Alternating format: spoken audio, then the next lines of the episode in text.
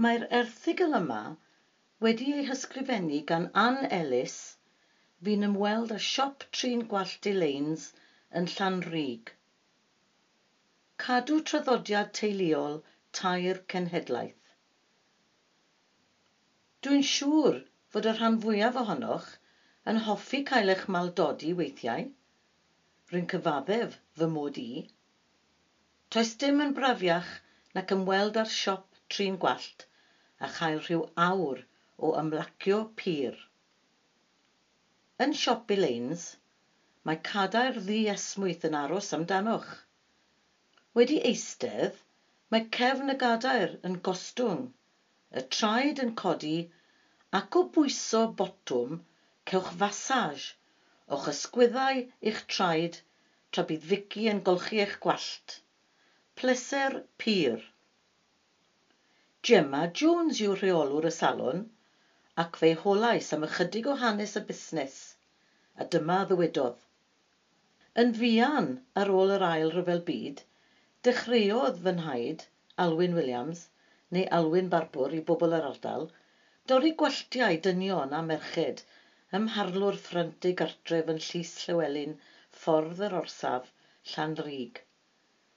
Fel roedd y busnes yn tyfu, agorodd siop yn Neiniolen, ei bentref genedigol, ac yno y bu am nifer o flynyddoedd cyn symud yn ôl ac agor ei siop yn Llanrug drws nesaf i Lys Llywelyn. Yn ystod o'r haf eleni, bydd y siop yn dathlu bod ar yr un safle ers 55 mlynedd. Roedd gan Taid dair merch, Pat, Elaine a Fira. Aeth Pat i'r busnes efo'i thad a hyfforddi trin gwallt. Ond pan briododd, symudodd efo'i gŵr i Leamington Spa i fyw. Agorodd siop trin gwallt yno a'i rhedeg tan iddi ymddeol. Mae ei merch yn rhedeg busnes harddwch yn yr ardal o hyd. Bu Fera yn gweithio yn y siop yn Llanrug hefyd, a'i merch hithau yn darlithydd yn yr Adran Gwallt a Harddwch yn y coleg yn Llandrillo. Wedi i Pat ymadael, daeth mam, sef Elaine, i'r busnes a hithau wedi hyfforddi i drin gwallt, ac mae hi wedi bod yma ers 44 mlynedd eleni.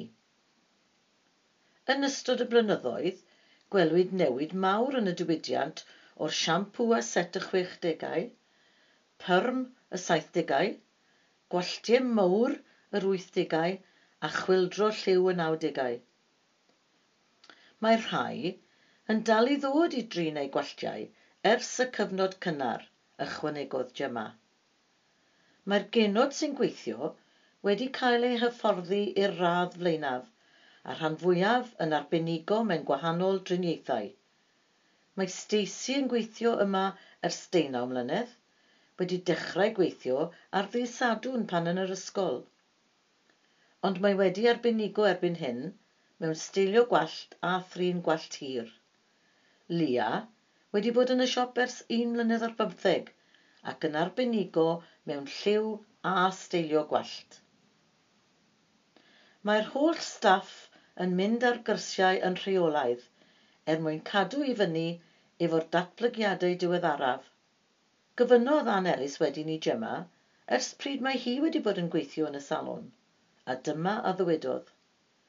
Ar ôl gadael ysgol, es i hyfforddi efo pobl efo anableddau corfforol ac anableddau dysgu, a ddim wedi meddwl a dweud y gwir i fynd i'r byd gwallt a harddwch, ond roedd y dynfa'n ormod.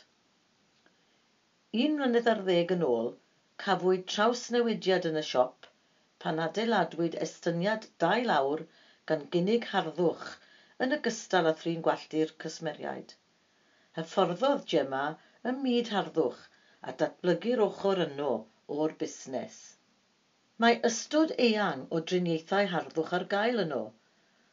O gel ar yr ewynydd, all barhau am o leiaf bythefnos i dair wythnos a helpu'r ewynydd i dyfu, i ceisi Math o facelift heb fynd o dan y gillell drwy defnyddio therapi golau. Gemma erbyn hyn yw rheolwraig y salon ac mae 19 o ferched yn gweithio iddi. Mae y rhan fwyaf ohonynt yn genod lleol ac yn Gymru Cymraeg. Mae'r busnes yn ffynnu dan law Gemma a chydweithio hapus rhyngddi hi a'r staff. Ond be am ei gobeithio i'r dyfodol? Dyma a ddywedodd Gemma. Rwy'n teimlo'n gryf bod angen codi delwedd trin gwallt a harddwch.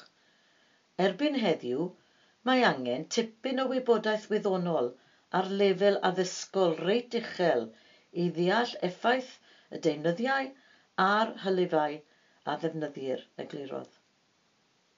Mae oriau agor wedi newid er mwyn y merched sy'n gweithio, felly mae'r siop ar agor tan 8 yr nos Fercher ac ar y nos Fawrth tan hanner awr wedi saith er mwyn i'r bechgyn a'r dynion sydd ddim yn gyfforddus bod yng nghanol merched i gael torri eu gwelltiau.